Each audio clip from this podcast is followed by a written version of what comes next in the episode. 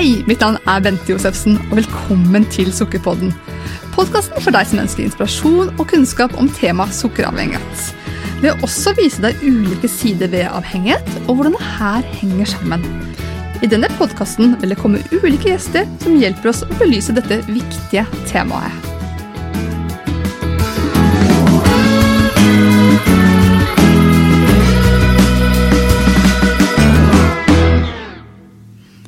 Med meg i dag så har jeg Mari Frengstad. Velkommen hit til Sukkerpodden. Tusen takk. Det var veldig sport av deg å si ja på kort frist og spant rundt. Jeg er sporty. Ja, ja, ikke sant? Nettopp det. Og bakgrunnen for at du egentlig kom hit, Mari, var jo fordi at jeg spurte på Instagram om noen hadde forslag til neste, og da dukka du som, opp som ett av navnene. Tenkte jeg å ja, ja, for jeg hadde hørt om deg, men hadde ikke passa på sånn ordentlig nøye inn i bakgrunnen din. Men da jeg gjorde det, tenkte jeg at dette er en spennende dame. Hun vil jeg ha. Herlig. Ja. Tusen takk for at jeg fikk komme. Veldig hyggelig. Kanskje vi skal fortelle lytterne hvem er du, Mari? Jeg er da Mari. Eh, Jeg er snart 39 år eh, og har tre barn. Er Mann fra New Zealand og er da ernæringsterapeut. Jeg har bodd eh, nesten ti år i London. Eh, Det, er der, det var der jeg studerte, så jeg studerte på noe som het Institute for Optimum Nutrition. Og ja, jeg bodde der fordi jeg først møtte kjærligheten eh, og flyttet til London. Og så ble jeg værende, og så hadde jeg ja, eh, jeg jobbet med noe helt annet før. Jeg jobbet med bærekraftig utvikling i næringslivet. Oi, så spennende. Eh, og det elsket jeg egentlig, for jeg hadde veldig behov for å på en måte redde verden. Eh, jeg fortsatt har behov for det, men jeg gjør det på litt mindre Ett individ av gangen Ja. er det som er fokuset mitt nå. Men, så det var det jeg gjorde for når jeg dro ned dit. Og så fikk jeg mitt første barn, som hadde kolikk, og hun hadde masse utfordringer. Um, og av det så ble jeg litt dårlig. Jeg merka at jeg hadde, var slapp og lite energi og mye vondt. Mye vondt i fingre og sånn. Eh, og det var det som egentlig kom, fikk meg på sporet av ernæring, da. Ja, nettopp. Ja, det er ikke helt uvanlig det, at man gjør noen personlige erfaringer som motiverer til å gjøre et yrkes... Altså skifte. Det.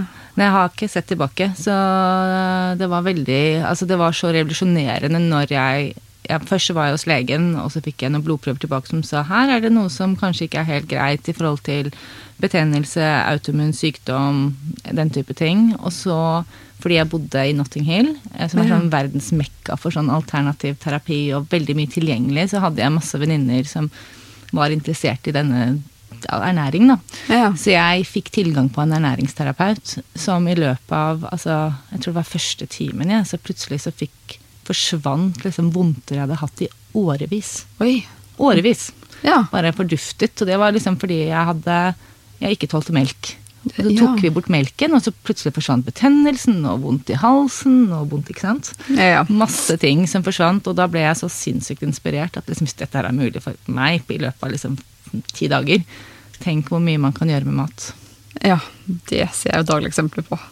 Hvor mye mat har å si. Men det interessante er jo mange som på en måte ikke klarer å relatere de utfordringene de har til nettopp maten. Og det er først ofte når man begynner å eliminere ting, at man får sånn noen skikkelig ha-opplevelse. At det er mye alle dager. Det Er derfor jeg har gått rundt med migrene eller vondt en skulder eller lite overskudd av syre? Ja, nei, det er veldig rart. Jeg tenker liksom på det til, i min egen oppvekst. Jeg husker at jeg alltid ble kvalm av grøt. Ja. Eh, men det var ingen som på en måte snakket om det hjemme, eller det var liksom Ja. Det var ikke Sånn er bare Mari. Sånn er, sånn er det bare. Eller liksom, ja, sånn er livet. Man, det er ikke all mat som, som sitter godt i magen, eller Men det vet vi jo nå, at eh, det, det er faktisk mat som får deg til å funke godt, og mat som ikke får deg til å funke godt. Det er riktig. Så det er noe med å være på søken etter når ting ikke fungerer. At man, hvis man har betennelse eller vondt eller ja, ofte kvalm, eller at man ikke klarer å kontrollere sine egne følelser eller lyster, da. Mm. At uh, da er det kanskje noe mer man kan se på. At er litt nysgjerrig, på en måte. Absolutt. Og det er jo noen ting som ofte går igjen, som man ser at folk kan ha intoleranse for, som de har som, hatt plager med i årevis. da. Det vi i hvert fall ser, er jo dette med gluten, melk og egg, Ja. som ofte går igjen. Ja, det er jo det jeg har mye erfaring med også. eh, Spesielt gluten. Altså jeg har selv faktisk reagert på egg, og reagerer ikke lenger. Nei. eh, gjennom å ta matintoleransetesting og eh, altså gold standard eliminering. Og så har jeg introdusert det igjen. Men, eh, men gluten og melk holder jeg meg langt unna per i dag. Eh, og, og, jeg ser at det har enorm påvirkning på meg, selv om ikke jeg liksom får en enorm reaksjon med en gang jeg spiser det. Men det mm. påvirker liksom hormoner, det påvirker ting over dager, da. Eh, Istedenfor en sånn eh, reaksjon med en gang. Ja, nettopp. Mm. Og det er ofte de som det er vanskelig å ta litt av. Altså, jeg skjønner mm. også da, at når det ikke kommer den akutte reaksjonen For da hadde man jo rettere kunnet identifisere ting, ikke sant? men når det, mm. det kommer litt mer snikende Og mange går rundt og tror at det er ja, ja, men så vondt i magen, hvem har vel ikke det, da? Ikke sant? Vondt i huet er vel fordi jeg stresser for mye, eller At man lar det gå altfor lenge helt til det blir en vane. Ja. Og det er jo det som er veldig skummelt, for tenk altså, hvis, For da fortsetter man å leve akkurat det samme livet og, og trigge en reaksjon hele tiden. Mm. Og da graver man seg liksom lenger og lenger ned, og så husker man ikke hvordan det var å liksom spise et måltid og få faktisk energi av et måltid etterpå, eller ikke få en oppblåst mage så det ser ut som du er seks måneder gravid, mm. eller dette vondt i hodet, og noe jeg ser mye av om dagen, fordi jeg jobber med, med kvinner hovedsakelig, er jo det f.eks. mange unge, ikke bare unge, men eh, damer da under liksom 40, hvor mye menstruasjonsproblemer det er også.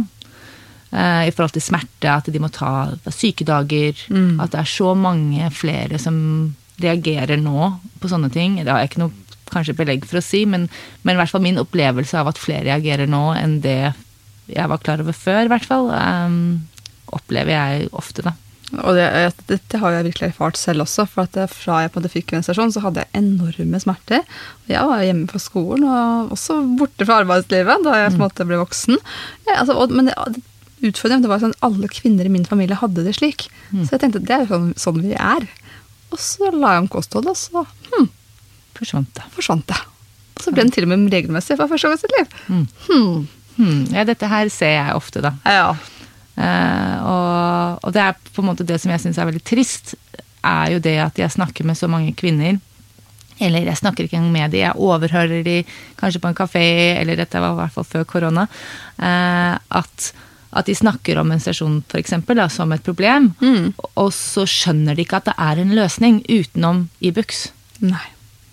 Og det syns jeg er veldig dumt. At Der tenker jeg vi har en viktig jobb å gjøre. Å få den informasjonen ut av at faktisk hva vi, vi putter på denne bilen vår, at det må være riktig drivstoff. Mm, absolutt. Hva tenker du om PMS-problemer, da?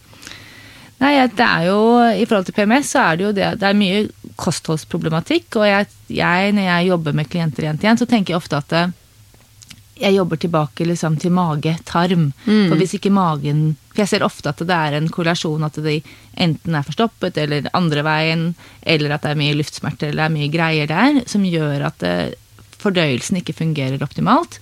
Som gjør at det blir ekstra mye jobb for leveren. Ja. Og leveren har en veldig viktig jobb når det kommer til hormonhelse, fordi den eh, hormoner som er brukt opp, jo, det er jo leverens jobb å liksom dele det opp og enten sende av gårde eller resirkulere. Eller, og hvis leveren er overarbeidet fordi fordøyelsen sender for mye greier inn der, så, så betyr det jo at uh, leveren ikke kan rydde opp i hormonene på den måten vi, vi vil. Mm. Så det, det, ser jeg ofte med, med, kvinner som har mye PMS. Da. Men det er jo så klart betennelsestilstand der også, ikke sant? med hva man spiser. Mm. Eh, sukker. Eh, som jeg tenker at du kan mye om. Oh, ja. Eh, det, er mye, det er mange bitte små eh, brikker i det puslespillet, da. Mm, absolutt. Men så spør du litt, litt, tilbake til din personlige historie, Marie. For du var jo litt innom det også, at du hadde, fikk en datter som hadde noen utfordringer. Vil du mm. si litt mer om det?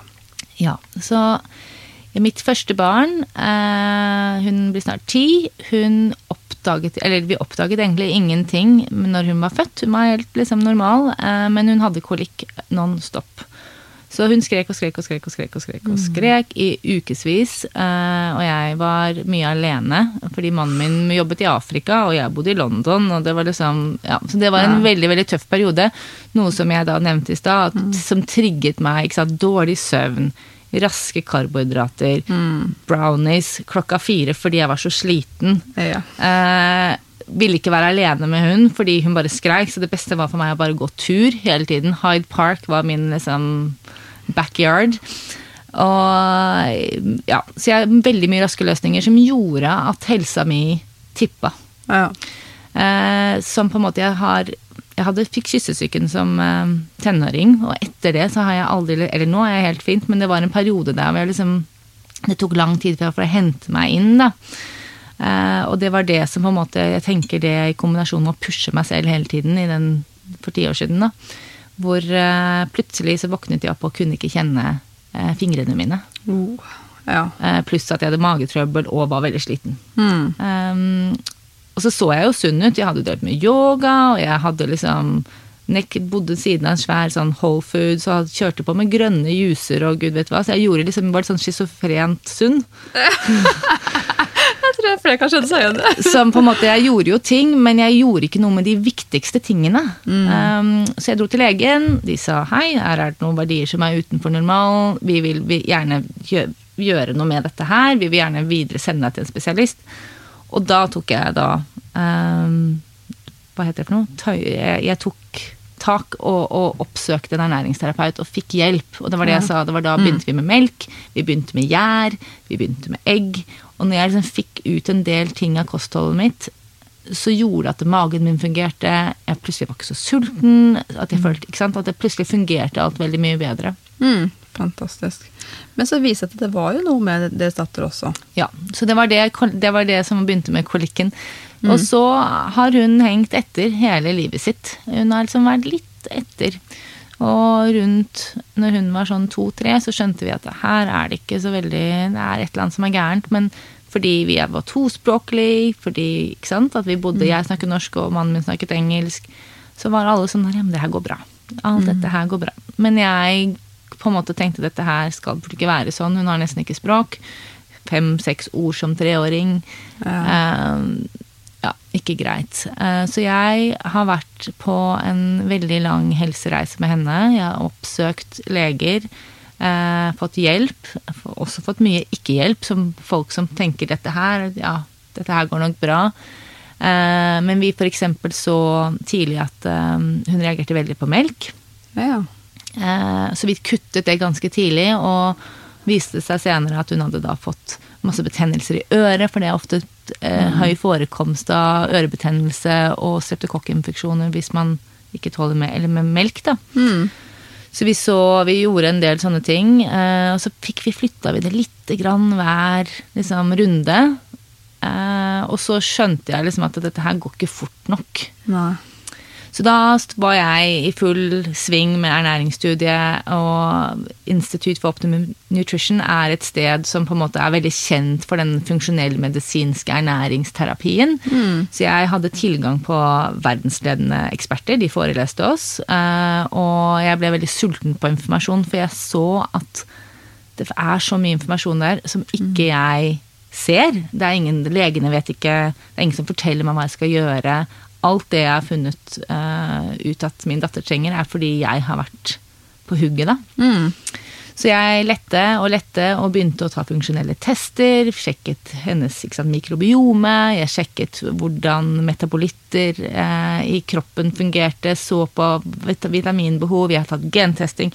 Vi som har gjort alt. Og med det så, så jo fikk vi flyttet veldig mye. Så plutselig gjorde hun sånne mentale hopp, hvor Ja. språket kom. Det var mye som skjedde. Men det var kosten som gjorde det aller meste. Men det tok veldig lang tid. Og det er vel kanskje sånn at vi snakket litt om gluten i stad. At liksom, ja, folk tror at de går glutenfri i tre dager, og så tror de at de skal oppleve en endring. Eller sukkerfritt eller melkefritt eller hva det skal være. Men det tok veldig lang tid før vi så de virkelig store gevinstene, da. Ja. Men fikk hun noen diagnose underveis her? Så hun fikk det, ble diagnosert som med, med, med autisme for to år siden. Så vi har, siden, ja. vi har vært på Og jeg har pusha siden hun var to. Ja. Eh, så det er jo det som har vært veldig trist, da. Og, For jeg har vært veldig Altså, det er, det er jo veldig fint å få en diagnose eller hjelp. Mm. Men samtidig så har det jo gjort at jeg også har snudd hver eneste stein og Ja. funnet mange løsninger for henne. Så når vi, hun fikk diagnosen her i Norge for to år siden, så si, sa de jo også at eh, vi ser alt det du har gjort, har påvirket henne i positiv retning, og at flere burde gjøre som deg. Wow. Så det på en måte Det er, eh, det er Ja, man ser at det, man kan gjøre veldig mye, selv om det er en diagnose som ikke har en spesifikk årsak eller en behandlingsplan. Men man kan lindre symptomer. Ja, for dette har jeg hørt flere episoder. det er som- som flere som har fortalt da, at de har fått barn sant, som har fått denne diagnosen, og så har de fått beskjed om at dette må dere bare leve med, det er ingenting dere kan gjøre selv. Og så er det nettopp det, at det er noen foreldre som ikke har tatt liksom, til takke med den sannheten, og har forsøkt med kost og fått hjelp, da. Og så har disse barna fått et langt høyere funksjonsnivå og bedre liv. Da. Så det ene er jo liksom blodsukker, som er veldig veldig viktig, som jeg ser for henne at vi er kjempestrenge. Mm. det er ikke at hun ikke får godteri og sånn, for nå er hun jo ti og har masse meninger om hva hun vil spise og sånn, men da er vi i hvert fall veldig veldig lure med hva hun skal spise før hun spiser godteri, sånn Ja. at det blodsukkeret er stabilt. At vi på en måte, vi drikker aldri våre kalorier. Vi er liksom smarte på noen ting. Og så er det det at med gluten spesielt da, og melk, som trigger henne veldig. Ja. Så det er vi liksom ja, ganske strenge på. Eller vi er kjempestrenge. Eh, Ja, ja. nettopp. Hmm. Men eh, hvor lett har dette vært å gjennomføre i, på barnehage, SFO? Det har vært helt Det var vanskelig det, det første halve året når jeg måtte sette meg inn i dette her. Mm. Det var vanskelig. Fordi det var, utfordringen var jo hos meg. Det var liksom min hjerne som på en måte Hvordan gjør vi alt dette her? Ja. Men når man vet hva alternativene er, Mm. hvilke produkter man kan bytte ut, hvordan man skal lage muffins, hvordan man skal lage ikke sant? Alle, Nå spiste vi lite brød og veldig lite karbohydrat, fordi vi ser at det er noe hun har reagert på.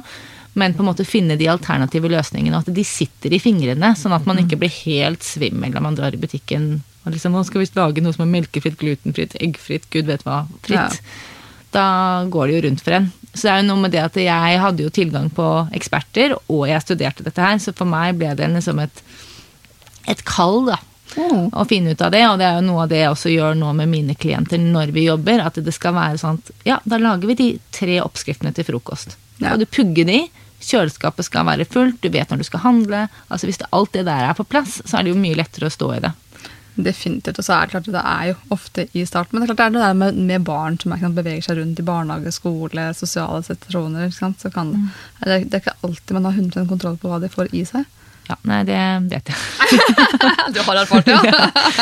ja, så, ja, så det er veldig vanskelig, men det er jo på en måte det er en tosidig sak. da, så Det jeg har gjort i forhold til barnehage og skole, er jo det at jeg har vært veldig åpen og sagt vet du hva, hun tåler faktisk ikke dette her. Og jeg har vært veldig streng og vært litt kanskje litt sånn Hun tåler det virkelig ikke, liksom. Eh, og og jeg har ikke rikket meg på det. Og så har jeg vært sånn at jeg har vært lur. At jeg har f.eks. i barnebursdager så har jeg istedenfor at hun skal få kake der, så har jeg lagd et alternativ hjemme som hun liker.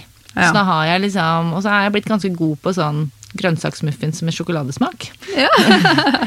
eh, eller altså ja, eh, bruk, funnet ting som er, smaker godt, som har mer blodsukkerregulerende eh, ingredienser, og som er gluten- og melkefritt. Mm. Og så har det liksom vært greit, for jeg har lagd kanskje 20 av de muffinsene av gangen. Og så vet jeg bare For det ligger i organiseringen her. Det er Ja. stikkordet. Definitivt. Ja. Så det har egentlig gått greit. Og nå er hun såpass gammel at hun, hun vet selv hva hun skal, og spør og sjekker. Mm. Så det Ja.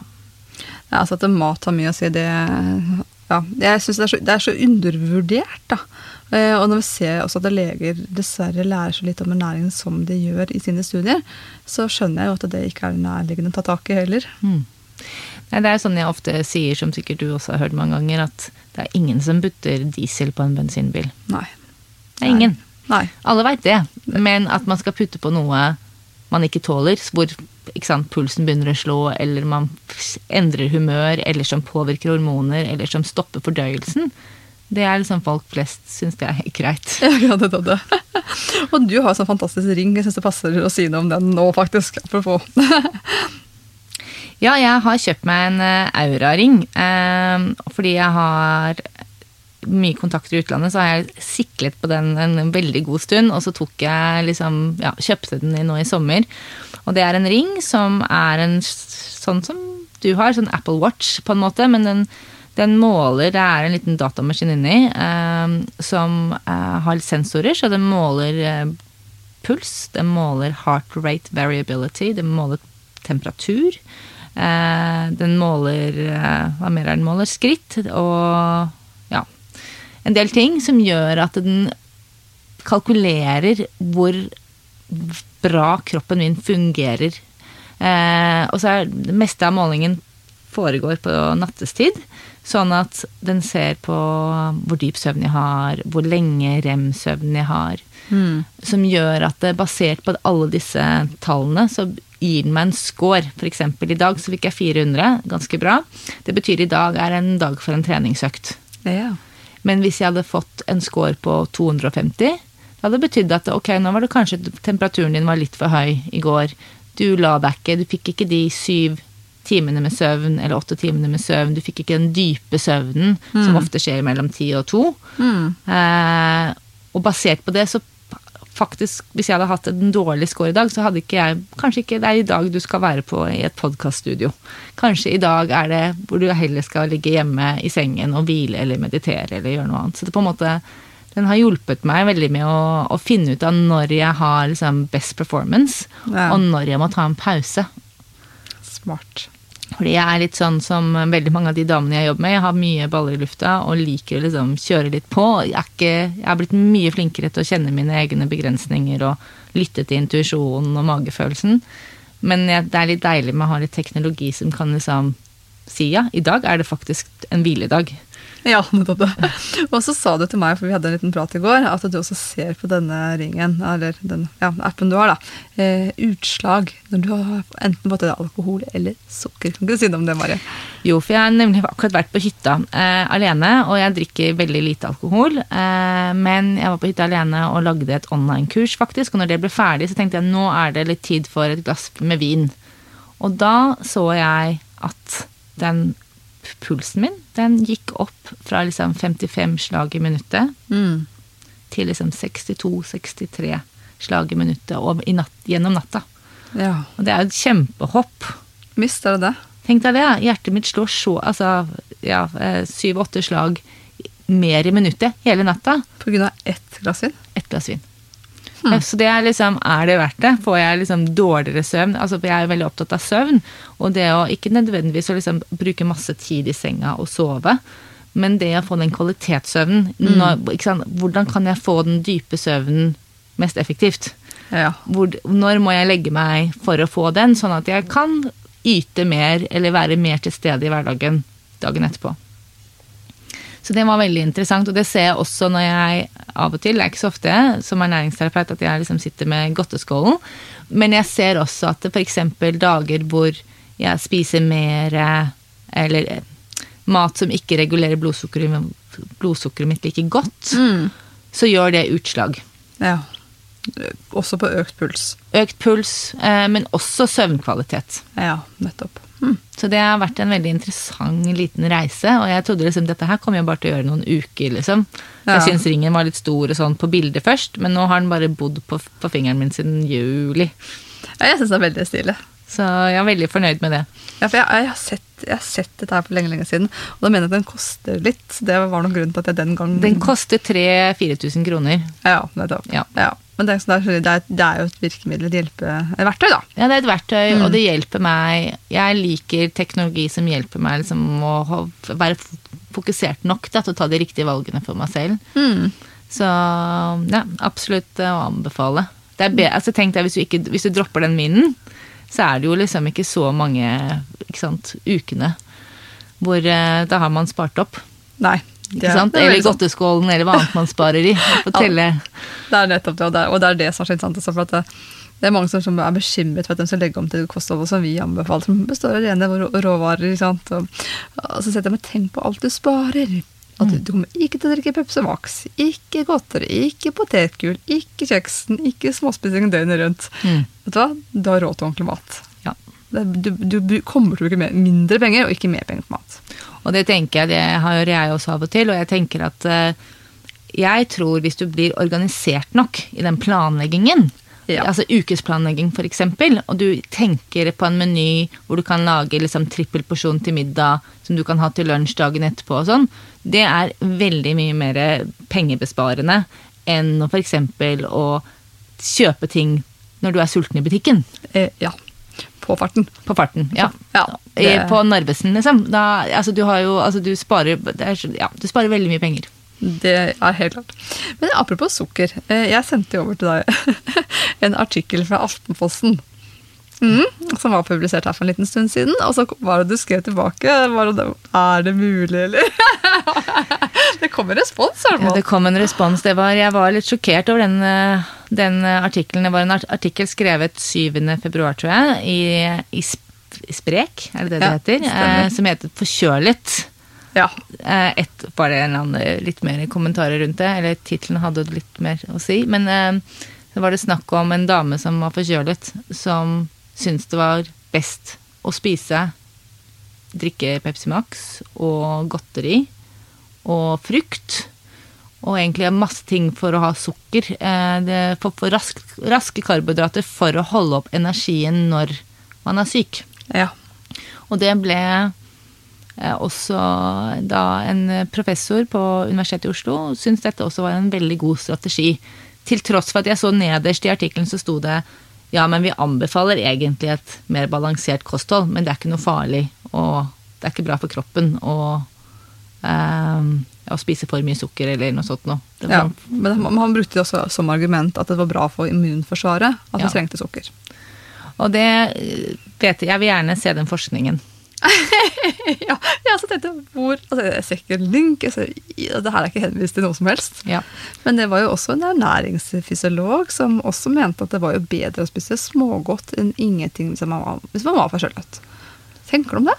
Nei, jeg syns det er litt underlig. Det går litt imot alt jeg har lært, egentlig. For jeg tenker sånn at immunsystemet vårt, hvis det Det, har, det er jo en veldig viktig Altså har en veldig flott funksjon, da. At den, når vi er f.eks. I, i fare, så skrur den Så blir kanskje immunsystemet litt sånn eh, redusert fordi man bruker all kreften, kreftene på å komme seg unna den faren. Altså, hopper litt tilbake her. Men, men kroppen har den evnen til å allokere ressurser.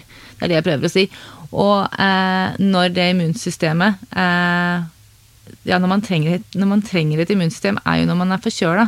Så hvis man da kjører på med smågodt, så betyr det jo at det på en måte blodsukkeret går opp. Det er stressende for kroppen.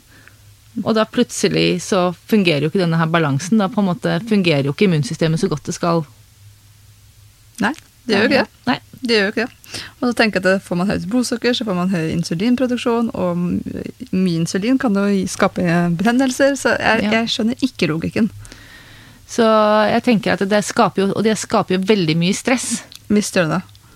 Og da jo, blir jo immunsystemet enda liksom Da allokerer vi jo ressursene annerledes igjen. Så det, ja, nei, jeg tenker at det er bare tull. Jeg er den, den forståelse at når man er syk, så er det bedre å ikke spise. Ja, Drikke vann, liksom. Det er nettopp det. Det var min kommentar til den artikkelen også. At det, og det er, jo, det er jo kanskje en grunn til at vi fra naturens side faktisk får mindre appetitt. Ja. Det er kanskje fordi at kroppen trenger hvile for å faktisk kunne fornye seg. Ja. Og det er jo mye snakk om det innenfor sånn ernæringsforskning, hvor viktig det f.eks. er med sånn eh, intermittent fasting, altså periodisk fasting, hvor at det, magen trenger pause. Den gjør det. Og fordi da kan den bruke ressursene sine litt annerledes, og reparere og fikse og alt dette her. Så det er jo nettopp det også som skjer når man er forkjølet, at det kanskje kroppen trenger litt pause. Fra den konstante liksom putte noe i munnen eh, som veldig mange driver med, da. Det er nettopp det. Og jeg, det har jeg også skrevet om i, i boken min 'Sukkeravhengig'. blir frisk uten sukker. Nettopp dette som jeg kaller beiting. da, at Ja. det, Hvor man, mange går og småspiser hele tiden. Og jeg kan, Du så det, men det var jo noen, noen studier i USA nå som viser at en gjennomsnittlig amerikaner spiser mellom 17 og 23 ganger om dagen. Wow. Eh, ja, men man kan jo også se hvordan Det går. Det går. Det er ikke noen sånn veldig suksessoppskrift. Så, man, så tenker noen til hvordan er det mulig, hvordan rekker man det? Men det, vi snakker jo ikke om disse, at De sitter jo ikke ned til bords og spiser disse matlene, men de går kronisk rundt og spiser på noe. Ja. Om det er en sjokolade eller donut eller hva det nå enn er. er. Det er et kronisk inntak av noe. ja. Uh, og dette er jo ikke bra for noe. Ikke magetarm, ikke blodsukker, ingenting. Nei, så det er den lettvintheten, da. At man ikke skal liksom Ja, man vil at alt skal komme ferdig pakket inn pakke og ikke Ja. Og så glemmer man det litt. For jeg, jeg satt og jeg jobbet med en klient om det med dette her, her om dagen, hvor hun, hun spiste mye sånne barer til lunsj. Ja. Sånn Nutrilett-barer, eller ja. Og så er det på en måte Det varer jo ikke lenge nok. Eh, Så hun ble jo sulten med en gang til, og da blir det jo rett ned i en annen sant, pose med et eller annet.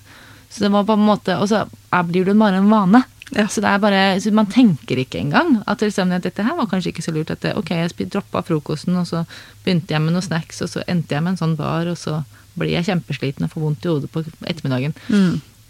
At eh, Altså, ja, når vi begynte å liksom skrelle det litt fra hverandre, bare sånn ja, hva spiste du egentlig til frokost? Og så bare sånn ja, kanskje vi skal gjøre noe der. ja.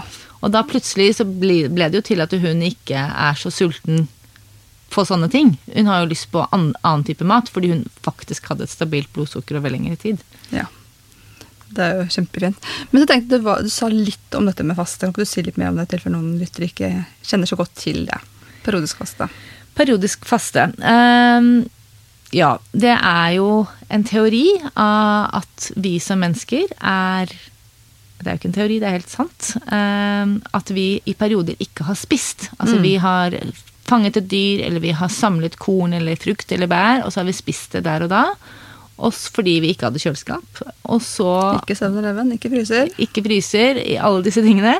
Så vi på en måte spiste oss mette og gode, og så ventet vi til neste gang vi fikk bytte eller Og sånn har på en måte vi levd i ett med naturen. Um, og jeg tror at veldig mange snakker om at eh, det har gjort at eh, i de periodene man har fastet og ikke spist, så har kroppen kunnet regenerere, fikse, ta pause, kjent på sultfølelsen, akseptert den. Det er en del ting som er, er helt naturlig. Eh, vi, hadde, vi klarer å regulere hormonene våre bedre da, på den måten. Og så er det da i jeg vet ikke, senere tid eh, har det kommet opp hvor bra dette her er, faktisk er for kroppen da, eh, i det moderne livet. At det påvirker immunsystemet vårt, eh, at det regenererer celler, at vi føler oss bedre. Så, så det som på en måte Det, det er ikke for alle, eh, men det fungerer veldig godt hvis man er i et ja, eh, Hvis man har utelukket en del sånn mage-tarm-ting, og at det underliggende andre ting. Men for hvis man er frisk, så tenker jeg at det er jo noe å prøve, og det betyr at man har et spisevindu. Alt fra liksom Jeg tenker hvis man er helt ny, så kan man kanskje ha et spisevindu på liksom tolv timer. At man kan bare spise på tolv timer. Eh, at man spiser Ikke sant. Det er jo egentlig at man ikke spiser Begynner kanskje med fra ni til ni. Eh, eller syv til syv. Eh, men ellers, hvis man liksom er litt mer avansert, ikke så veldig mye mer avansert, så er det mange som har et spisevindu på åtte timer. Altså 16 timer hvor de ikke spiser, og åtte timer hvor de spiser. Mm. Og det er jo veldig mange som kommer tilbake og sier 'dette her funker for meg'. Ja. Plutselig så kjenner jeg meg ikke så sulten, eller plutselig kjenner jeg meg mye bedre, og jeg sover mye bedre. Spesielt, og det tenker jeg spesielt det med søvn er veldig interessant, fordi det er så mange som spiser så mye på kvelden, ja. og så legger de seg på tom, eller på, på full Full- mage. Eh, og så får de ikke den dype søvnen. Nei. Og den dype søvnen er jo da liksom kroppen reparerer seg selv. Mm. Og så får man kanskje ikke kommet inn i den rem-søvnen, og der er jo der vi liksom konsoliderer minner og den slags. Så vi blir kanskje litt mer slitne og får ikke prosessert ting på riktig måte. Så da våkner vi opp slitne. Nettopp det. Mm. Så da er man egentlig en dårlig sirkel. For når man er sliten, så er det lettere å spise feil og Ja. mer sulten òg. Så jeg tenker det er jo en veldig fin måte å gjøre det på, fordi det er mange som trenger den strukturen. Å forholde seg til tidspunkt. Altså det er mye lettere å si eh, Det er lett å si 'å, jeg skal kutte og småspise', enn å si 'vet du hva, jeg velger å ikke spise etter klokka syv'. mm.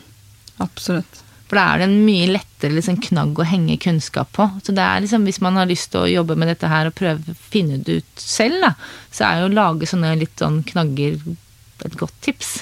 Absolutt, og vi anbefaler jo veldig det å tenke litt sånn spisevindu. For at, og nettopp det her å ikke spise om kvelden, og det er to årsaker. Det ene er jo nettopp som du sier, at det påvirker søvnen ikke sant, hvis man legger seg av stapphull.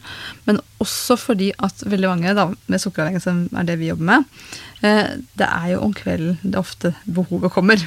Mm. Og hvis man har satt en klar grense for seg selv, om kvelden spiser jeg ikke, så slipper du å forhandle med deg selv hva det du skal spise, er. Mm. Så vi tar den middagen, men da må, det, da må den være, være kvalitetsmiddag. Ja. Så du faktisk blir mett og har stabilt blodsukker. For det jeg har sett mye i det siste, er, og det er litt liksom egen erfaring også, det er jo det at hvis jeg har et jevnt blodsukker gjennom hele dagen, da er ikke jeg noe sulten på kvelden. Mm. Men de gangene jeg har hatt altfor mye møter, ikke tatt noen pauser, hatt litt raske løsninger, eh, kanskje ikke tatt meg tid til å spise det faktisk, jeg, kan, jeg spiser egentlig ganske bra hele tiden, men hvis jeg hadde ikke tatt meg tid eller liksom spist litt raskt, så ser jeg at det putter meg i en stressituasjon. Ja. Og da ser jeg at det blod, altså når stresshormonene mine går opp, så påvirker det blodsukkeret mitt på kvelden. Da har jeg mye mer lyst på ting. ja. Så det er liksom ja, det er en kombinasjon også å liksom se litt et par skritt tilbake. Hva skjedde til lunsj, liksom? Mm. Fordi det henger, altså blodsukkeret henger jo, det er henger jo sammen hele dagen. Så på en måte man fokuserer liksom hva spiste jeg i forrige time. Det er kjempeviktig, det òg, men bør kanskje også se tilbake noen Noen timer til. Ja. Og det synes jeg er så interessant, for Vi blir jo anbefalt å spise lite og ofte, og frokost er faktisk det viktigste måltidet, har vi blitt fortalt i årevis. Hva tenker du om det? Nei, jeg Nå har jeg Ja, hva jeg tenker om det? Jeg tenker at uh, ideelt så vil jeg heller spise uh, to Jeg anbefaler tre måltider, faktisk. Det er det jeg anbefaler. Um, fordi det får jeg til å funke inn i den døgnklokka de fleste av de jeg jobber med, opererer under. Uh, og for mange så tenker jeg at det å ha en kvalitetsfrokost, og da snakker ikke jeg to kneippbrødskiver med noe gulost på, Eller syltetøy. og juice. og Nugatti. altså, jeg akkurat begynner med liksom en Enten om det er um, ja, eh, en god smoothie som har nok proteiner og nok fett, Mm. eller med grønnsaker, eller om det er egg eller, og brokkoli og grøn, altså ordentlig mat, da, avokado og den type ting. Ehm, hvis man begynner dagen sånn, så er det jo veldig lett å holde energien til lunsj. I motsetning til veldig mange av de som eh, før de begynner å jobbe med meg, så er de veldig slitne klokka, klokka halv elleve. Ja. Det, Og så er det, ikke sant, de begynner dagen med et par, par kopp kaffe, for de er trøtte. Og så fortsetter de, ikke sant, og så blir de trøtte igjen. Så er det blodsukkerkurven som går opp og ned som loopen på Tusenfryd. Og det er der på en måte Hvis man klarer å begynne dagen bra, så er det så utrolig mye lettere å stå i det. det er helt klart. Men samtidig så tenker jeg at det, det er kanskje ikke så viktig at den frokosten er sånn klokka sju, men den kan faktisk være litt Ja. sen på dagen hvis man har det til spisevinduet. Ja, så er det første måltidet, da. Ja. Det er ja. det første måltidet. Og det ser jeg jo det at det er jo mye lettere for eksempel å gjøre sånn periodisk fasting. Mm. Hvis, I hvert fall syns jeg det er mye lettere å liksom skyve frokosten til lunsj. ja. Eh, at det er en enklere måte å gjøre det på. Og så da er man jo forskjellig, da, så man må jo finne ut liksom, hva er sin signatur. Det er klart. Men det er, men det er, klart, det er jo mange som også blir liksom stressa. Hvis det er barn som ikke er sultne til frokost. Ikke sant? For de har jo hørt at den frokosten er så viktig. Og vi har jo selv to barn på åtte og ti, og hun åtteåringen vår hun er altså ikke sulten om morgenen. Men hun, tar, hun vil gjerne ha en bit agurk. Og det kan jo høres litt stusslig ut, men det er liksom kanskje væskebehovet hun har, tenker jeg. Og altså, hun har det jo helt fint. Og hun spiser så fornuftig mat ellers og er sånn ja, fyser på ordentlig mat, da. Og tar, vil gjerne ha en salat med seg på skolen osv. Så, videre. så Ja, så kjenner litt på det, så ikke putte alle i samme boks. Nei, ikke sant? Altså, jeg, jeg har jo aldri på en måte sagt til hun at hun må spise når hun ikke er sulten. Mm. For det er jo utrolig viktig. Ja, for det tenker jeg også er veldig viktig, at man må høre litt på kroppen. Mm. Men det er også en veldig fin eller nyanse da, med at folk som ikke har hørt på kroppen noen gang, fortsetter å ikke høre på kroppen. Det er klart. Eh, altså, ja, det er mange som ikke helt klarer å kjenne etter om hva, hva, hva trenger jeg faktisk nå. Mange som forvirrer sult med tørst, f.eks. Absolutt. Og, og cravings, som vi Ja. vi? Må bare ha noe. Ja. Men trenger ikke ha noe med sulten å gjøre. Så det er at man på en måte må luke bort hva, hva er en følelse, hva er reelt, kjenne etter, sitte der litt. Mm. Og det er en øvelse, da. Det er det absolutt. Det er helt klart. Men som regel så har barnet det mer på plass. Det er jo gjerne i oppveksten etter hvert vi blir mer forvirra på dette med appetittregulering. da. Ja, ikke sant? Spesielt hvis man ikke blir respektert for grenser, og at man blir sånn Du må spise opp maten din, ikke sant. Så ja. Det, det er viktig å lære barna å sanse. Ja, ja, ja, absolutt. Så det er å lære de å prøve nye ting og høre på sin egen kropp. Mm. Absolutt. Uh, ja. Men vi har vært innom mye, mye spennende vi nå, Mari. Uh, men du har jo fått også noen spørsmål fra noen, eh, noen av dine følgere. Ja, Skal vi ta de, kanskje? Ja, det kan vi gjøre. Jeg er ganske aktiv på Instagram om dagen og elsker å snakke med de som følger meg. Og nå har jo vi begynt å følge hverandre. Eh, Det er alltid gøy. Men da fikk jeg to spørsmål fra to damer som spurte første Faste måltider. eh, Hva Skal vi se Sorry, nå tuller jeg her. Jeg har skrevet veldig rart. Eh, Hva burde man spise for å ikke småspise hele tiden? Ja. Det var det ene spørsmålet. Og vi snakket jo akkurat om blodsukker.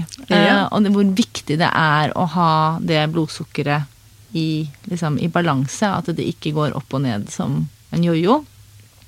Det er jo veldig viktig, og da må man jo spise ting. Og i min verden så, så tenker jeg at da må man ha en, en riktig balanse mellom fett, proteiner og fiber. Ja. Fra grønnsaker helst, ikke korn. Mm. Så det er jo min uh, versjon av dette her. Jeg vet ikke Jeg, bare, jeg bare signerer. Det er godt at vi er enige. da er vi veldig enige. Men det er på en måte sånn som du sa, da, med, med det at man har cravings. Ja, så jeg kan, jeg kan si noe om det. For det, kan, det er helt riktig. Det å, altså van, vanlige folk skal si sånn, da, som ikke har sukkeravhengighet, vil jo nesten løse dette problemet hvis man har hatt mye sånn småmåltider. Nettopp med å få et stabilt blodsukker. man Man blir mett. Mm. Så man vil jo ikke ha behov for dette stadige påfyllet. Og det er jo det som man ser ofte, at, det, at frekvensen av måltider går jo automatisk ned. Sant? Fordi man er jevnt mett. Og det er en ny oppdagelse for mange. Men så har man et element til i det. For hvis man har en sukkeravhengighet, så er det jo belønningssenteret som ofte vil ha noe. Og mange av disse her har hatt et mønster i årevis at de går og spiser hele tiden. Apropos de amerikanerne som spiser 17-23 ganger om dagen. Ikke sant? Hva kommer det av? Eh, og det vi på en måte da sier, sant, er at det ene er på en måte skap deg noen klare linjer på antall måltider. Og vi så anbefaler som sånn, ja, standard tre måltider. Men så er det noen som havner på to, og noen på fire. Og har man spesielt slanke operert seg, vi har jo noen av de, så trenger man flere måltider. Men det å ha på en tydelig ramme for deg selv, at det, sånn- er disse måltidene, og, og når du spiser de, skal du sitte ned og spise. Ikke stå og spise rett ved kjøleskapet, eller rett ved kjøkkenbenken. Og så er det at Hvis det, hvis det liksom melder seg et behov, for det er noe med det at mange har jo gått og tygd? Altså, Det kan være at det går bare å hente småtomater. Det trenger ikke være noe feil mat, men det er, det, det er at det, de går kronisk og spiser. da. Ikke sant? Eh, og mange har brukt mye pastiller, tyggegummi, ting man også ofte tygger mye på så er det, handler det også om at det, det som kan avlede litt det behovet da, for den, den tygginga, som ikke har noe med sult å gjøre, men bare behov for å tygge, eh, er blant annet at vi anbefaler et sånn lite sånn pusteapparat som kalles relaksator. Så det kan man google opp. Eh, Man får det blant annet det er kjøpt på nett. hos noe som heter medvetenandning.se. Eh, og ved å bruke den, så får man på en måte, man får jo riktig pust, som i seg kan dempe cravings, men også det på en måte avlede akkurat det tyggebehovet ved å bruke altså, det er sånn liten plasting som man puster gjennom, faktisk. Så det er, det er sånne enkle verktøy man kan bruke. Og det er noe med å altså bygge nye nervebaner i hjernen. Mm. Hjernens plastisitet. Yes. Så vi, det, er, en omprogrammering. For at klart, man har hatt et mønster veldig lenge, så, så sitter jo det i. Og, og så ser vi det i relasjon til stress. ikke sant? At når det stresset kommer, så er jo eh, svaret for en sånn avhengighetshjerne er veldig ofte å spise. Og egentlig nesten uavhengig av hva. Det er ikke bare sukker du kan klare på, men det er bare å tygge på noe. Mm. Så dette er litt sånn sammensatt. Men det å ha stabilt blodsukker punkt én uansett, tenker jeg. Eh, med som vi sier, proteiner og fett og fiber fra grønnsaker. Og så er det det å sette seg antall måltider, at det er fast. Ikke sant? Du har en regel for deg selv, at det er tre måltider, punktum. Mm. Ikke sant? Og dette med å være oppmerksom på at det kommer behovet for den småspisingen. At pust ikke sant? Og den relaksatoren jeg ser jeg at veldig mange har veldig nytte av. det. Og det eh, kan også hjelpe faktisk folk som skal avvennes for røyk. Mm. Nei, for jeg har litt erfaring med å jobbe med mennesker med spiseforstyrrelser. Eh, og det vi ofte vi tenker på der, er jo bare å ta de f- 15, altså når man har lyst på noe, at man tar 15 minutter og ringer en venn. Ja. Eller vi gjør noe, ikke sant. Gjør, ja, gå og drikk te. Er noe, en urtete, eller gå pusteøvelser. Ja. Så det, og jeg er også litt sånn fan av eteriske oljer. For det liksom gjør, gjør, gjør noe med sansene. At, man liksom, at det er en annen ja, jeg snakker, Når jeg snakker om hjernens plastisitet, så snakker jeg ofte om eh, skiløyper. ja. At det på en måte bare man hopper inn i et nytt spor. Mm. For det er det som er viktig, da. Og så er det noe med å øve seg, lage en strategi på hva gjør jeg når jeg har lyst på noe. Hva er min plan? Og at det sitter så godt at man liksom ikke har tid til å tenke heller. At man liksom, det er ikke noe det er ikke noe valg, da. Nei. Det er det man må pugge litt på. Og så er det jo også et par andre hjelpemidler jeg kan nevne, som vi også anbefaler. og Det er jo spesielt hvis man opplever søtsug, altså cravings på noe søtt eller andre raske karbohydrater. Det er jo eh, bruk av L-glutamin Mm. og eller kokosolje. Ja. Det også kan være veldig dempende. Så det å, å ta det før man tyr til noe å spise, så kan det være at anfallet har gått over. ja. Mm. Og det som også er, eh, som jeg ser, eh, er jo mineralbalansen. Ja. Altså f.eks. krum. Eh, balanse på søtsug. At hvis man får opp nok av den mineralstatusen, eh, så kan det påvirke. Ja, og det, og det, er, og det er ganske interessant det akkurat det med krum. For at det, det jeg er helt enig med deg, det er ikke noe sånn konflikt det her. Men det vi ser, er at da har man bare et vanlig søtsug som egentlig hvem som helst kan oppleve, f.eks. For fordi man har en ubalanse med mineralene, eller man har et ustabilt blodsukker, så man, altså, er det kjempehjelpemiddel. Mm. Og det er jo viktig for alle, men det hjelper ikke for nødvendigvis belønningssenter. Altså, alle, altså, veldig mange med sukkeravhengighet har jo tusenvis på krom. For Ja. det har man hørt hjelp mot søtsug. Men det er som bare en dråpe i det store havet her. Så, men det er også lurt å ha på plass, absolutt. eh, Men det, det, det, du blir ikke kvitt en sukkeravhengighet av det. Si sånn, da. Mm. Men hva, med, hva syns du om sånn kanel og sånn? F.eks. sånn Cylon-kanel, som er i forskning vises å ha stor effekt på, på blodsukker. Har du noe erfaring med det? Ja, altså absolutt. Men kanel er eh, det, det er bra, men igjen er det også bare sånn dråpe i det store havet. Altså, man, kan bygge, man, man kan gjøre mange små ting som er veldig bra, men man må skille på en måte de som har en sukkeravhengighet, og de som på en måte har utfordringer med kosthold, um, søtsug av andre årsaker. Mm. Det er, det er sånn to forskjellige dimensjoner her. Men det skjønner jeg. Ja. Men det er veldig viktig å gjøre de småtingene også. For dette, altså alt som kan hjelpe. Og mange tenker jo også at bare man får stabilt blodsukker, så har man løst problemet. Eh, det har man jo ikke. Men det er jo helt umulig å håndtere hvis man ikke har stabilt blodsukker. Mm. Og den maten som skal til for å få stabilt blodsukker, er jo også mye av løsningen vår. Mm. Vi spiser ikke sukker, vi spiser ikke kunstige søtningsmidler, vi spiser ikke korn og mel. Jeg leste en interessant bok eh, for ikke så lenge siden om, eh, om vaner og rutiner. Og innlegget der var med i den engelske eh, sykkellandslaget, som var veldig dårlig på tidlig 2000-tallet. Og så bestemte han nye treneren seg for å snu på det. Men han istedenfor å gå den taktiske veien med å trene masse og gjøre sånne ting, så bestemte han seg for å liksom se på alt som påvirket syklistene og syklene og draktene og sånn. Så tenkte det som et puslespill og snudde hver eneste brikke. Ja. Og det tenker jeg er veldig liksom, viktig. At Mm, man absolutt. ikke bare velger én løsning, nå skal vi bli best i verden, og så bare trener man masse.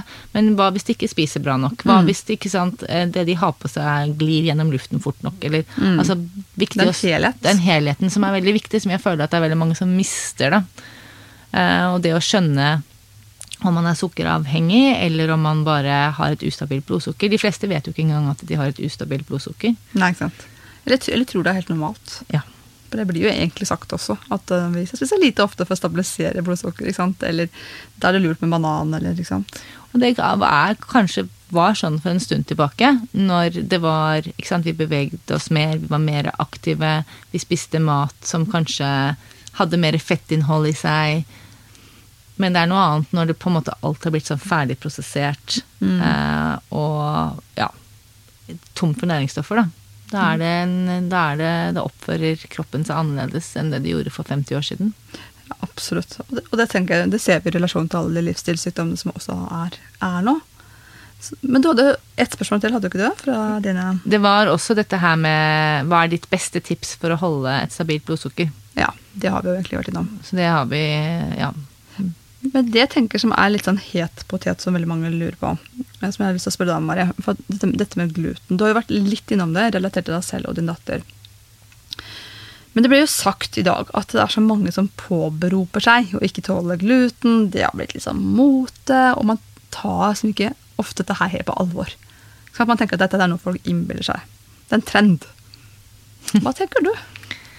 Jeg tror ikke det er en trend. Uh, og grunnen til det er at eh, hvis du spør hvem som helst som produserer sånn mye ferdigmat, og brød og sånn, så er det jo, sier de, det er mye mer gluten nå i den maten vi spiser, enn det var da, si for 50 år siden. Altså, jeg har hørt at det er 50 ganger så mye. Er det, stemmer det med hva du har hørt? Det, jeg har ikke noe tall, men det er, jeg vet Ja. at det er mye. Ja. Ja, og det, du kan jo bare tenke det fra min barndom, så husker jeg at et brød var ganske steinhardt. og, og, vanskelig, og liksom Det hevet seg ikke, og det var liksom ikke på samme måte som brød gjør nå.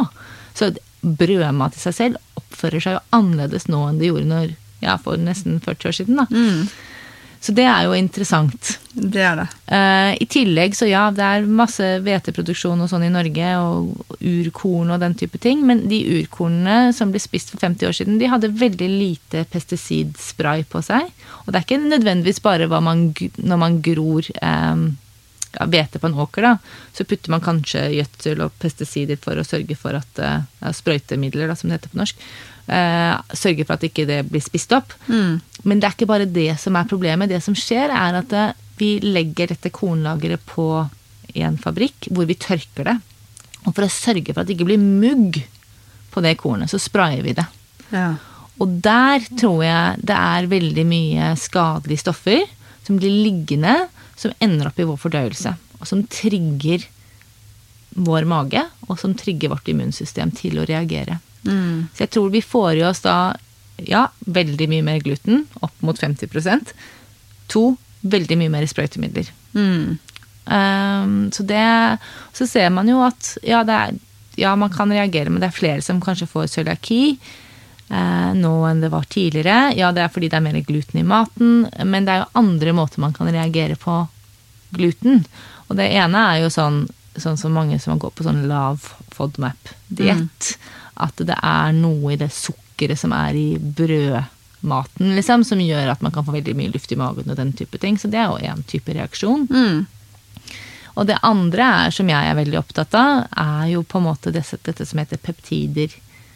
Hvordan glutenpeptidet, eh, som er altså gluten, nei, peptid er en del av et protein, så glutenpeptidet kommer inn i blodgjenstrømningen vår og kan sette seg i reseptorer i hjernen, f.eks., eksempel og påvirke oppførsel, påvirke trigge ja, både humør og oppførsel, da, eh, og hvordan vi føler oss. Mm.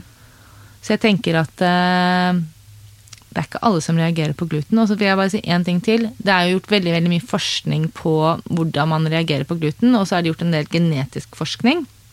Og det tenker jeg er veldig interessant, da, fordi den genetiske forskningen eh, Jeg tror genet heter HLA, nå må jeg, det må jeg dobbeltsjekke. Men det er forskjellige typer av det ene genet. Så det er noen som på en måte har det genet, eller vi alle har en variasjon av det genet, og det er noen av de variasjonene som gjør at vi er mye mer sensitive. At gluten trigger oss i mange flere timer enn ja, annen, en annen type, da. Ja. Så det er, så er dette her som for, eh, på norsk så heter det på folkemunne lektarm. Ja. Eh, Det er en veldig kjent forsker som heter Alessandro Fasano, som har skrevet veldig mye om akkurat dette her. Og han har skrevet om hvordan gluten trigger lekktarm ved å, å gjøre at tarmen blir litt mer porøs. Ja. Sånn at eh, næringsstoffer som, eller proteiner og sånn, som skulle egentlig bare være i fordøyelsen, smetter inn i blodomløpet. Og det som skjer, er jo det at eh, det, disse genene vi har, disse snippene på genene, de gjør at noen vil reagere på det gluten i si 14 timer, Mm. og noen vil reagere en halvtime. ja.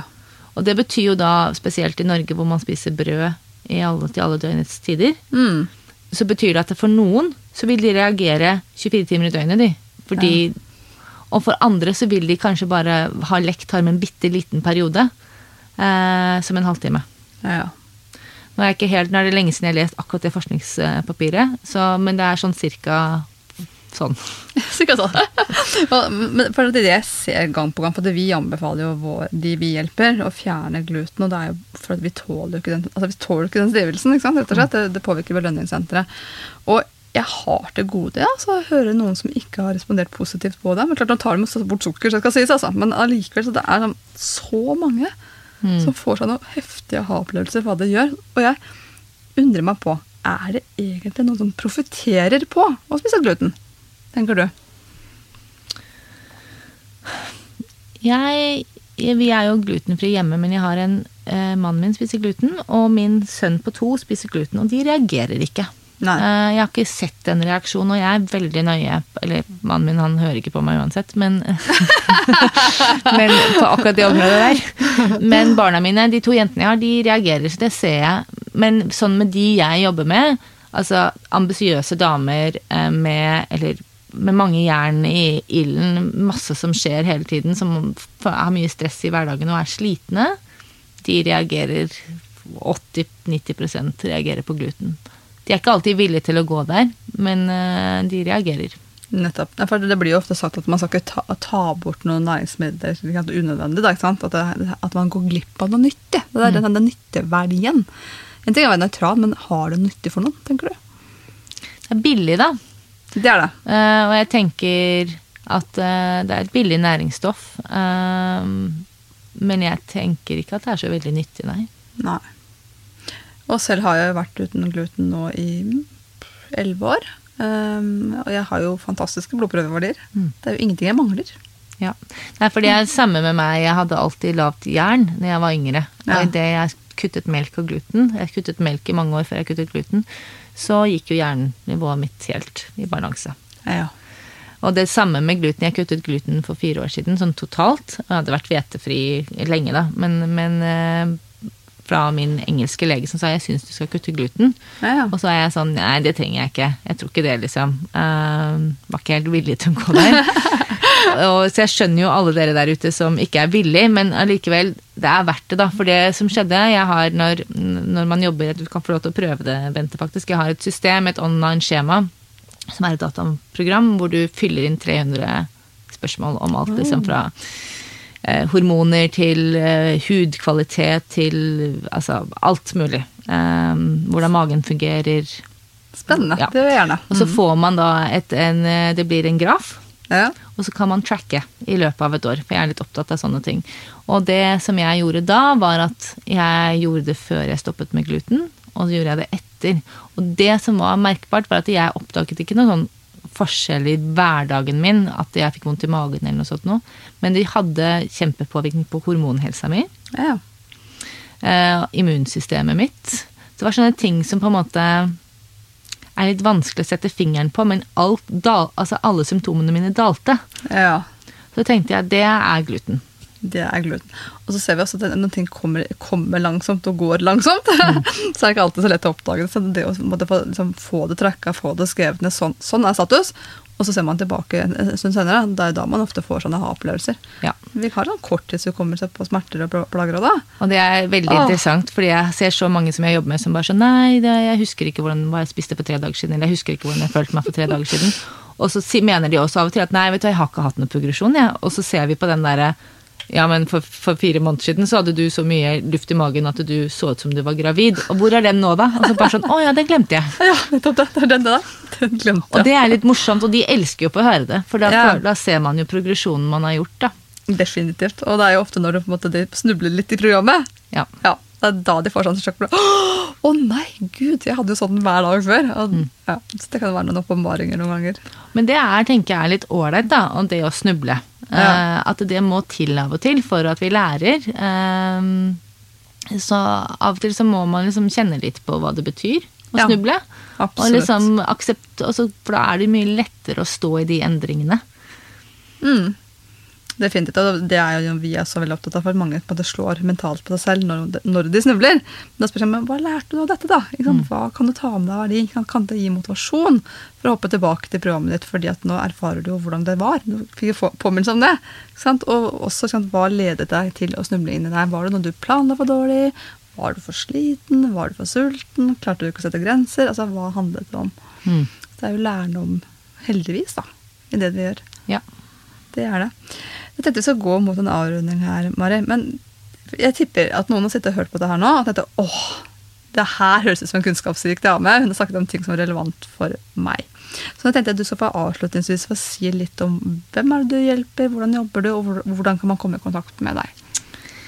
Tusen takk. Um, ja, så jeg jobber Jeg bor i Oslo. Uh, for øyeblikket så jobber jeg online. Uh, jeg hjelper damer med mange baller i lufta som ofte føler at de er et sånn hamsterhjul.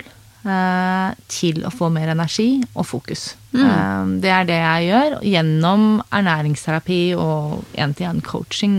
Men jobber du bare med damer? Altså? Nei da, jeg har menn også, men det er på en måte det jeg har skriver Det er de jeg har lyst til å nå. Men jeg jobber, har, har flere menn på, Ja, ok. på listene mine. Absolutt. Eh, Vi så- har mannlige lyttere, skjønner du. ja, det, er- er- dere er velkomne. Eh, så det jeg gjør, er at jeg jobber én til én, og jeg vil helst jobbe med folk i minimum tre måneder. Mm.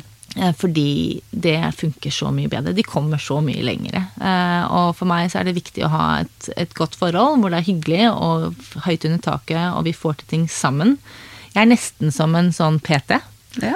Eh, Jeg liker den rollen, at eh, jeg får folk til å Ja, da booker du den legetimen. Send, send meg bildet. Si fra når du har gjort det. Ja. Jeg er litt der og følger opp, fordi av og til så må man bare ha et litt sånn spark bak Oh, yes. for å komme i gang. Og jeg sitter gjerne og holder i hånda. Eh, Så det gjør jeg. Um, og så gjør jeg også da, har jeg online-program. Så jeg har et online-program som heter 21 dager til mer energi og fokus. Som fokuserer på liksom basics blodsukker, basic, basic stress og søvn. Hvordan få den dype søvnen. Hvordan ja, fikse stress, da. Litt eh, enkle metoder. Og så har jeg et tolvukersprogram som går liksom på rutinebygging og virkelig liksom komme inn i liksom, hva er det beste måltidet, første måltidet, hva skal det være, hva er oppskriftene, hvor er handlelista, kan jeg koble det mot kolonial? Det er helt sånn basis. Eh, men også det å liksom Det er veldig mange jeg jobber med som ikke er så gode på å prioritere seg selv. Ja. At eh, liksom alle barna går først, jobben går først, venninner går først. Um, og det, de føler at de ikke får lov til, altså ikke har tid til å ja, ja, vi passer på egen helse, da. Um, så jeg, eh, der jobber vi mye med det. Ja. Den der self-compassion og liksom sette pris på seg selv. For det er helt umulig. Altså, Flyindustrien har visst det her i årevis. Man tar på den der gassmaska Det først. Før man begynner å skal hjelpe andre. Og det er litt det samme hvis man driver og hele tiden og heller fra en tom kopp, da, så, så blir man jo utslitt. Gjør det. Det er helt klart. Hvis du har lyst på mer inspirasjon, så kan jeg på det varmeste anbefale min bok 'Sukkeravhengig bli frisk uten sukker'. Boken får du overalt hvor man selger bøker, men jeg kan bl.a. anbefale ark.no. I denne boken så lærer du om hva sukker gjør med kroppen vår, og hvorfor i all verdens land rike har det kommet sukker i så mye som 80% av matvarene vi i dag får kjøpt på butikken. I tillegg så er det en del som handler generelt om avhengighet, hvordan all avhengighet henger sammen. Enten så kjenner vi noen, eller så kjenner vi oss litt trofødt selv. Så er det en egen del om sukkeravhengighet, og faktisk den første norske boken som beskriver det her på en god måte. Så er det en bok som handler om hva gjør man hvis man ønsker å endre livsstil, enten man har en sukkeravhengighet, eller kanskje har bare det vi da beskriver som skadelig bruk av sukker. Og I tillegg så er det 40 fantastiske både sukker- og glutenfrie oppskrifter som svært mange kan ha glede av. Og da snakker vi hele familien, og du kan invitere til fest når de er lov igjen, med disse oppskriftene. Så gå inn på arket nå og søk opp boken 'Sukkeravhengig bli frisk uten sukker' av Bente Josefsen, og håper du får glede av boken. Jeg tilbyr alle eh, en samtale med meg. Jeg har Hvis på hjemmesiden min, som er marif.no, så er det en link der hvis man har lyst til å finne ut mer om vi er en god match, så er, det, er du hjertelig velkommen til å ta kontakt der. Så der er det også informasjon om ja, andre ting da jeg gjør. Ja, spennende. Og så finner man deg på Instagram. Instagram finner du meg. Eh, Mari Frengstad understrek nutrition. Ja, bra. Er det noen andre kanaler, eller er det det, er det viktigste? Det er det viktigste, tenker jeg. Ja, ja, Ja. men så bra. Nei, men Tusen takk for at du kom hit i dag. Det var veldig inspirerende å høre på deg, og lærte masse av deg. Tusen takk selv. Så kanskje vi tar en oppfølging en gang. Det kan hende. Ja, gjerne det. Ja. vi har, jeg tror vi har mer å snakke om. takk skal du ha, Mari. Takk, takk.